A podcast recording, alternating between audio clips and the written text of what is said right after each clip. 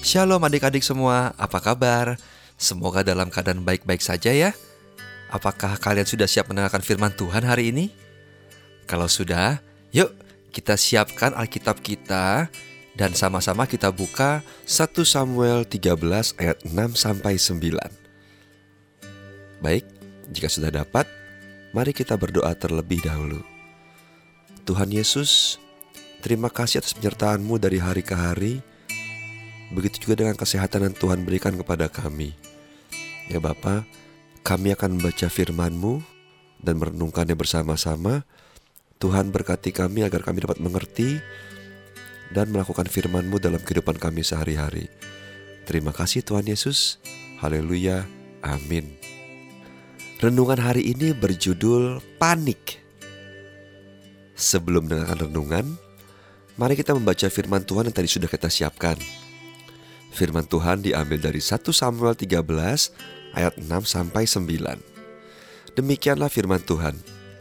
Ketika dilihat orang-orang Israel bahwa mereka terjepit sebab rakyat memang terdesak, maka larilah rakyat bersembunyi di gua, keluk batu, bukit batu, liang batu dan perigi.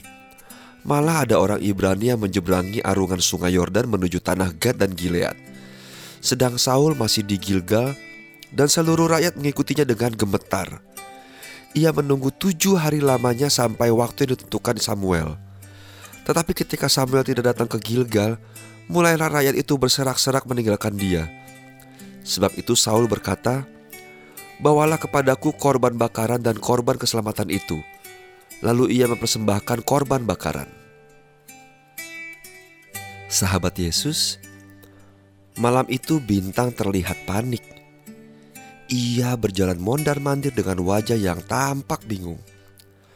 Mama yang melihatnya lalu bertanya, "Bintang, kamu kenapa?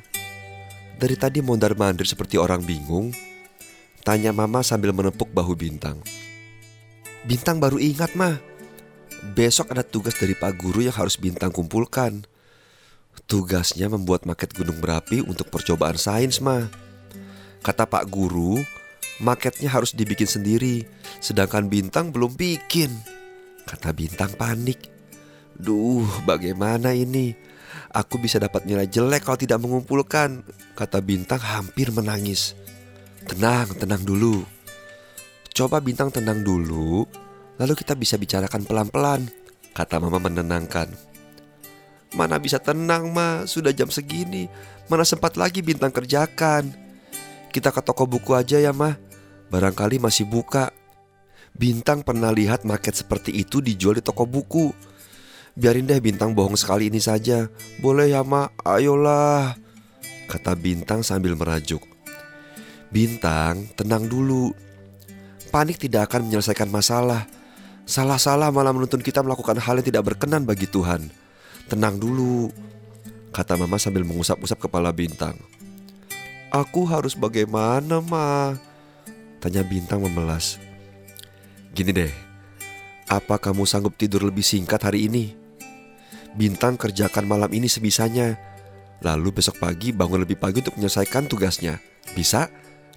Nanti mama temani dan besok pagi mama akan bangunkan Bintang lebih awal. Mau?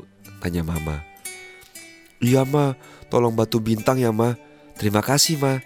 Jawab Bintang sambil memeluk mama. Bintang berdoa dan mulai mengerjakan tugasnya.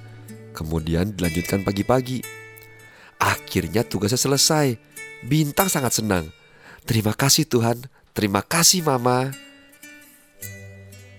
Sahabat Yesus, bangsa Israel juga pernah dilanda kepanikan ketika sedang berperang melawan bangsa Filistin.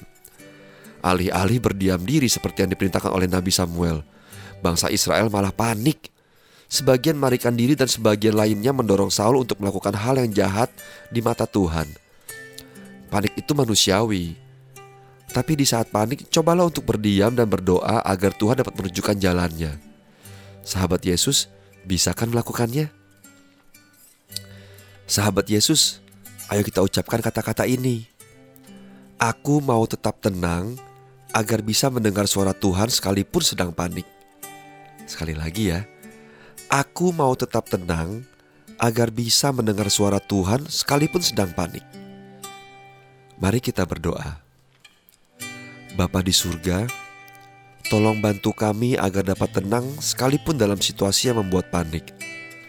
Ajar kami mendengar suara Tuhan, agar kami tidak melakukan hal-hal yang jahat di mata Tuhan karena kami sedang terdesak. Terima kasih ya Tuhan. Dalam nama Tuhan Yesus kami berdoa. Amin. Nah adik-adik, demikian firman Tuhan. Kiranya firman ini menguatkan kita untuk melakukan hal yang baik ya. Sampai bertemu di Syama yang berikutnya. Tetap sehat dan sampai jumpa. Tuhan Yesus memberkati. Dah.